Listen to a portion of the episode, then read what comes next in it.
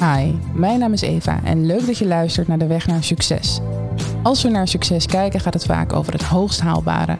Maar in deze podcast kijken we naar wat haalbaar is voor jezelf door ook te kijken naar jezelf, met de waarde van persoonlijke ontwikkeling. Want stel je voor, je leeft in een wereld waarin jij met je persoonlijke ontwikkeling van waarde bent. Zou je dan andere keuzes maken? Keuzes die meer bij jou en je persoonlijke ontwikkeling passen. Mijn gasten vraag ik hoe hun wereld eruit zou zien als deze waarden mee zou doen. En dat brengt ons tot hele interessante gesprekken. Zo hebben we het onder andere over hoe het nou eigenlijk kan dat het zo oneerlijk is als het gaat om geld.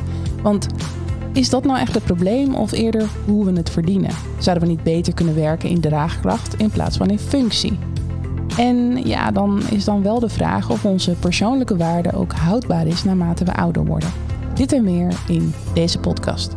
Ja. We gaan naar de waarde van persoonlijke ontwikkeling. Mhm. Uh, binnen het huidige waardesysteem. Klinkt allemaal heel complex, maar het valt eigenlijk wel wel mee. Uh, nu is het waardesysteem heel erg ingericht op educatie en werkervaring. En ik zeg eigenlijk, de waarde van persoonlijke ontwikkeling, die moet daarin meegenomen worden, want we moeten ook een context kunnen zien. Nu is alles vrij oppervlakkig. En met context kun je gewoon veel beter inschatten waar wat wel of niet hoort te zitten. Ja. Wat vind je daarvan? Ja, dat is een hele brede vraag. Maar ik denk dat het begint bij onderwijs. Uh, hoe wij, zeg maar, kinderen waarderen op uh, dat ze iets uit hun hoofd kunnen leren. Of dat ze dingetjes kunnen optellen. Of uh, dat ze braaf zitten en doen wat de juf of de meester zegt. Mhm. Daar begint eigenlijk al die oppervlakkigheid. Want kinderen worden niet, of tenminste te weinig, uitgedaagd om zelf iets te zoeken wat ze leuk vinden om te leren. Um, Ze hebben die vrijheid niet. Nee. Nou, dat, ik denk dat in sommige onderwijssystemen ze dat wel wat meer hebben. En je hebt tegenwoordig bijvoorbeeld ook een democratische school. En ik weet dat je in Culemborg heb je zelfs een staatsvrije school. Die werken helemaal niet met de reguliere methodes. Dus er zijn wel initiatieven. En ik denk dat er ook wel steeds meer initiatieven komen. Maar het reguliere onderwijssysteem is gewoon allemaal hokjes. En Ja. als je er niet in past, en dat er passen natuurlijk heel veel kinderen niet in, ja, dan krijg je eh, bijvoorbeeld een diagnose voor ADHD. Juist. Of, eh, en of dan- een, een stempel naar een lager niveau. ja. Wat dus wel bepalend is voor je toekomst. Ja, natuurlijk heel erg. Ja, dan moet je weer harder je best doen om, eh, om, om ergens te komen. Omdat je Mhm. die stempel hebt. Dus dan, oh, ja, maar goed, hij heeft ADHD, dus hij kan dit en dan en dat niet. Juist. Maar eh, hij kan misschien niet zo goed eh, stilzitten en luisteren. Maar hij kan vast heel veel andere dingen wel heel goed. Die niet gezien worden Ja, op precies. die positie. Ja. ja, dat denk ik ook. En jij hebt daar ervaring in als docent. Twintig jaar lang m- Mhm. docent maatschappijleer geweest. Dan zit je aan de andere kant. Ja. Ja, dat klopt. En eh, eh, dat heb ik al lang met veel plezier gedaan. En ook wel een tijdje met wat minder plezier. Omdat ik toch ook merkte, want docenten zitten ook in, die zitten eigenlijk ook in die hokjes. Je wordt volgestopt met allerlei vergaderingen, commissies, en Juist. extra taken. Terwijl eigenlijk je taak is gewoon lesgeven en het begeleiden van die eh, leerlingen of studenten. Maar daar heb je gewoon steeds minder tijd voor. En dus ook energie. Dus daarom docenten lopen over. En eh, Mhm. ja, weet je, en dan krijg je een methode, krijg je in je maag gesplitst eigenlijk. En dan moet je daar iets mee doen. En dat vaak kun je er wel iets leuks mee maken. Maar goed, weet je, die kinderen zijn ook gewoon. Ja, weet je wel, de hele dag in zo'n eh, ta- op zo'n aan zo'n tafeltje. Ja, en die eigen behoefte leeft ook nog steeds. Het is Ja. niet alleen binnen het basisonderwijs. Het leeft daar ook nog om op je persoonlijkheid gewaardeerd te Ja. worden. Als ik kijk naar het schoolsysteem, dan vind ik dat er dus eigenlijk, hè, en dan, dan zie je dus dat ze zeggen, ja, het vernieuwt zo snel. En, en dan komt er weer nieuwe stof. Eh, hè, dus binnen een half jaar is een, is een opleiding weer veranderd. Of zijn er nieuwe dingen bijgekomen. Dus er wordt een soort van gedacht dat dat zich heel snel ontwikkelt. Maar als ik aan jou vraag, wat heb jij in die 20 jaar gedaan? Dan denk ik persoonlijk dat jij een bandje hebt afgespeeld wat zich continu herhaalde, ongeacht wie of wat er voor je zat. Ja, dat klopt wel, ja. Ik weet ook dat ik op een gegeven moment ben ik na een jaar of tien ben ik uit het onderwijs gestapt, even een jaar of twee, omdat ik eh, inderdaad, omdat ik dat aan het doen was, precies wat je zegt, een Mhm. bandje afdraaien. Eh, precies dezelfde, hè, dezelfde onderwerpen per klas, eh, weet ik veel, verzuiling, politieke vorming, multiculturele samenleving. En ik, ja, ik was daar gewoon, eh, ik was het zat. En toen ben ik Mhm. wat anders gaan doen en uiteindelijk toch weer teruggerold. En toen gebeurde eigenlijk hetzelfde weer. Weer dat bandje. Weer dat bandje. En eh, het, ja, goed, ik had altijd wel, zeg maar, eh, niet de makkelijkste leerlingen of studenten. Dus ik, ik had daar, daar ging ook veel van mijn energie naartoe om hen te Mm. begeleiden. Maar je hebt het daar eigenlijk gewoon te druk voor. Dus dan, je kunt ook niet de tijd nemen om, eh, zeg maar, ah, dat kun je wel doen. Maar ik ken wel iemand die dat doet, een, eh, een docent. Een oud collega, maar ja, zij spendeert zoveel uren aan haar baan. Veel meer dan de uren die je ervoor betaald krijgt. Ja. Dus dan, Dat je ervoor Eh, gewaardeerd wordt, ja. eigenlijk. ja, In die zin, financieel gezien. Eh, maar zij ontvangt misschien een andere vorm van waardering, waardoor ze de energie dan, dan Ja, behoudt. Hè? Ja, ik weet dat haar leerlingen of studenten, ja, die zijn, die zijn zo blij met haar. En dat krijgt ze ook heel vaak te horen. Dus Ja. het is wel, ik vind, maar ik vind haar een heel bijzonder iemand. En ik kon dat niet, weet, ik kon dat niet geven. Dat was niet eh, voor mij.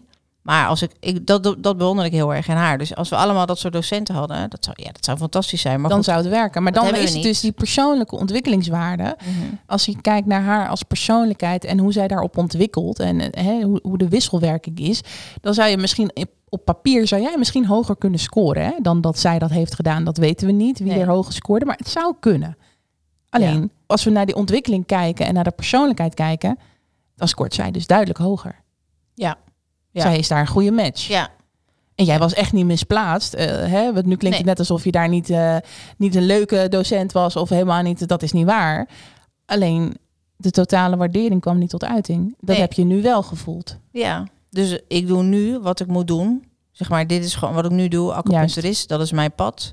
En dat past precies. Ik ervaar ook, ja, weet je, ik word hier zo gelukkig van. Ik ervaar geen stress en het is, dit is gewoon, dit is, ja, dit is mijn droom. Dus daarom gaat het me zo makkelijk af, denk ik. En die eh, andere docent, dat is gewoon, dat is haar pad. Dat is gewoon, zij is een natural born teacher, klaar. Ja. En zij ziet en hoort die leerlingen altijd. Ja. En ik kon dat niet altijd. En met wat ik nu doe, dat voelt als gewoon, dit voelt gewoon kloppend. Als je nu zou ehm, terugrekenen. Ja. Je vertelt eh 20 jaar, dat is lang, dat is veel. Ja. Veel ervaring Ja. binnen, binnen het onderwijs op dat vlak. Stel dat die waarde nou wel had meegeteld. Hoe was dat voor jou geweest? Als de waarde van persoonlijke ontwikkeling mee had geteld. Dat je misschien toch anders op eh, leerlingen kon inspelen of überhaupt zelf je lessen kon vormgeven. Maar ik denk dat dat niet genoeg is. Ik denk dat je het onderwijs moet veranderen. Gewoon helemaal op zijn kop, op de schop eigenlijk.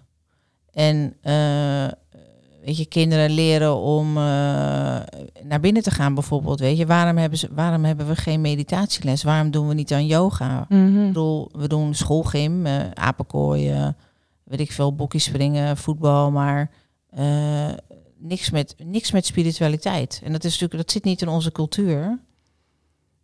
Maar waarom hebben we zoveel kinderen die medicijnen slikken? Waarom hebben we zoveel volwassenen trouwens die medicijnen slikken? Mm. Of, eh, oh, oh, ben je somber, ben je depressief? Hier is antidepressiva. Nee, Het wordt heel erg vanuit de oppervlakte bekeken. ja. Je nou ja, dat het ja. meer de diepte ingaat en terwijl, eh, oftewel intern. Ja, precies. Want als jij een depressie hebt, dan, dan is er iets in jou wat dat triggert, weet je. Dus dan is het goed om daar naar op zoek te gaan. En dan misschien onder begeleiding van iemand. Of hey, er zijn zoveel hulpmiddelen voor. Antidepressief is geen oplossing. En als jij dus druk bent in je hoofd en je niet kunt concentreren, dan moet je iets anders vinden om, Mhm. eh, hè, zeg maar, om te doen. Of hoe je dat dan misschien wel kan doen. Want natuurlijk zijn er manieren. Maar nee, weet je, eh, die kinderen krijgen medicijnen. Dus daar, ga, daar gaat het gaat in de basis mis. dat, dat zijn wel dingen die ook maar, wat jij net aangaf, binnen de tijd bepaald kunnen worden, dat je dus daar in functie bent. Dus je hebt maar een bepaalde tijd waarvoor je betaald krijgt. Hoeveel Ja. kun je dan waarnemen? Is Nou, lastig. Ja, tuurlijk. Eigenlijk kan je in die tijd helemaal niet werken. Nee. Je kan niet en iemand dus sturen en tegelijkertijd iemand wat bijbrengen. En dan ook nog eens even de diepgang af en toe in eh, om, om dus die context te zien. Ja. Daar is en geen ruimte nog, voor. En ook nog, heel belangrijk, zorgen dat iedereen bij de les is. Juist. Daar, dat is eigenlijk nummer één. Dat is waar, waarvoor je er bent. Ja. Ja. Zeg maar, dat, en Hoe dat- zou je dat dan wel kunnen doen? Want als je het mij vraagt, en dat denk ik dus in heel veel gevallen, is een, een bepaalde functie, als we het over dit soort belangrijke functies hebben, niet bedoeld voor één persoon. Nee. Je moet daar meer mensen hebben staan tegelijkertijd. Dat Ja. klopt niet. Ja, maar we zijn zo ver van onszelf verwijderd. Nou, Ja, weet je, dat, dat ehm, nou ja, goed, weet je, dat zie je natuurlijk ook. Weet je, de wereld is zo, ehm, ja, ik, ik, heb, ik weet echt niet wat voor woorden ik ervoor moet gebruiken, maar het is zo raar op dit moment en zo onrustig. En ja, bedoel, ja, het, het komt nu allemaal naar de oppervlakte, weet je, wat, Ja. wat er allemaal mis is eigenlijk met... De foutmelding Ja. is aanwezig op meerdere locaties bij ons intern, extern, Ja. in de samenleving, überhaupt in het weer. Mhm. Er zitten heel veel foutmeldingen op dit moment, die wij Ja. toch nog niet helemaal goed beantwoorden. Nou ja, goed, weet je, ik denk dat we, bedoel, ik denk dat er, er komt een, er komt nu een tijd aan heel onrustig en er komt een soort wedergeboorte van iets nieuws. Want Ja. ik bedoel, hoe het nu is, dat kan gewoon, is niet meer houdbaar ook. Nee. En dat is dus die, die, die misleiding die je hebt als je vanuit die oppervlakte beweegt. Wat we dus heel erg doen in het leven, omdat we geen tijd hebben. Ja. Tijd is het probleem wat ons nu beperkt. Maar dat komt omdat we geen tijd maken binnen ons waardesysteem. Ons waardesysteem is zo ingericht dat dat de focus moet zijn, omdat we echt geld moeten verdienen om voor onszelf te kunnen Maar zo zijn we dus gedrild. Ja. We zijn dus zo gedrild om, zeg maar, weet je, je gaat naar school, je gaat studeren of niet, maar in ieder geval, je gaat werken, je koopt een huis. Nou, dat kan nu dus al niet meer als je starter bent, weet je wel, behalve als je ouders heel veel geld hebben. Ja. Eh, en je gaat gewoon geld verdienen, je werkt 40 uur. En dan, nou ja, goed, weet je, die hele, ja, het is, het is, het is eigenlijk, het is gewoon slaafs, eigenlijk. Dat wat je zegt klopt. En als, er, als je denkt, nou, daar heb ik geen zin in. Ik ga lekker, weet je, in een joert wonen, ergens, eh, weet ik veel, in Drenthe. Dan eh, vinden, die mensen vaak, vinden mensen vaak een beetje weird. Want ja, Ja. hoe, weet je, waarom je ben je anders dan een huizenaar? Of Ja. eh, weet je, dat is een gekkie. Maar wij zijn zo gecondi- geconditioneerd om, om zo te bewegen. Ik wil het ook niet meer. Ik doe het ook niet meer. Dus nu, wat ik nu heb gedaan is... Ik doe iets wat ik heel leuk vind. En eh, ik werk heel hard en veel. Maar ik vind het dus heel leuk, weet je. Maar ik wil nooit meer om achter op mijn fiets moeten stappen om ergens naartoe te gaan waar ik eigenlijk niet naartoe wil, omdat ik geld nodig heb, omdat ik mijn huis moet betalen. En zoveel mensen doen dat.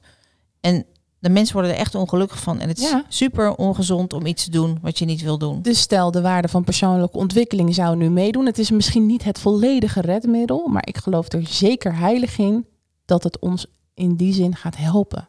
Ja. Om meer rust te vinden, om meer onszelf te kunnen zijn, om minder te moeten vanuit je gevoel. Want nu is het heel Mhm. erg, ik moet dit. Want er zit ook nog steeds heel veel ontwikkeling in het moment dat je dus in zo'n depressie raakt of Ja. tegen een muur aanloopt ja. daar zit de grootste waarde. Die gaat dan op dat moment lopen als je in die stand ook nog van waarde mag zijn Ja. en daarop kunt verdienen. Dan zouden we andere keuzes maken.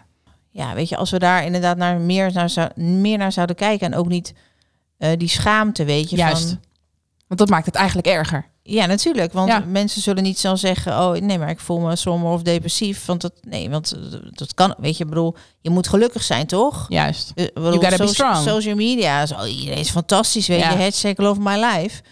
je kan, ja, weet je. Hashtag is a lie. ja. Eh, dus weet je, en er zit een soort, er zit een schaamte op. Ja. Zeg maar, als je je mentaal niet oké voelt. Omdat er dus geen dat- waardering op komt. Nee. Heb jij dat zelf ook ervaren? Dat je vanuit schaamte anders gaat bewegen? Nou, ik heb ehm, eh, een flinke depressie gehad rond mijn dertigste. Ehm, en ja, een, een gevolg daarvan was wel schaamte, ja. Want hè, ik wilde eigenlijk de deur niet meer uit. eh, ik kon Mhm. niet meer naar mijn werk. ehm.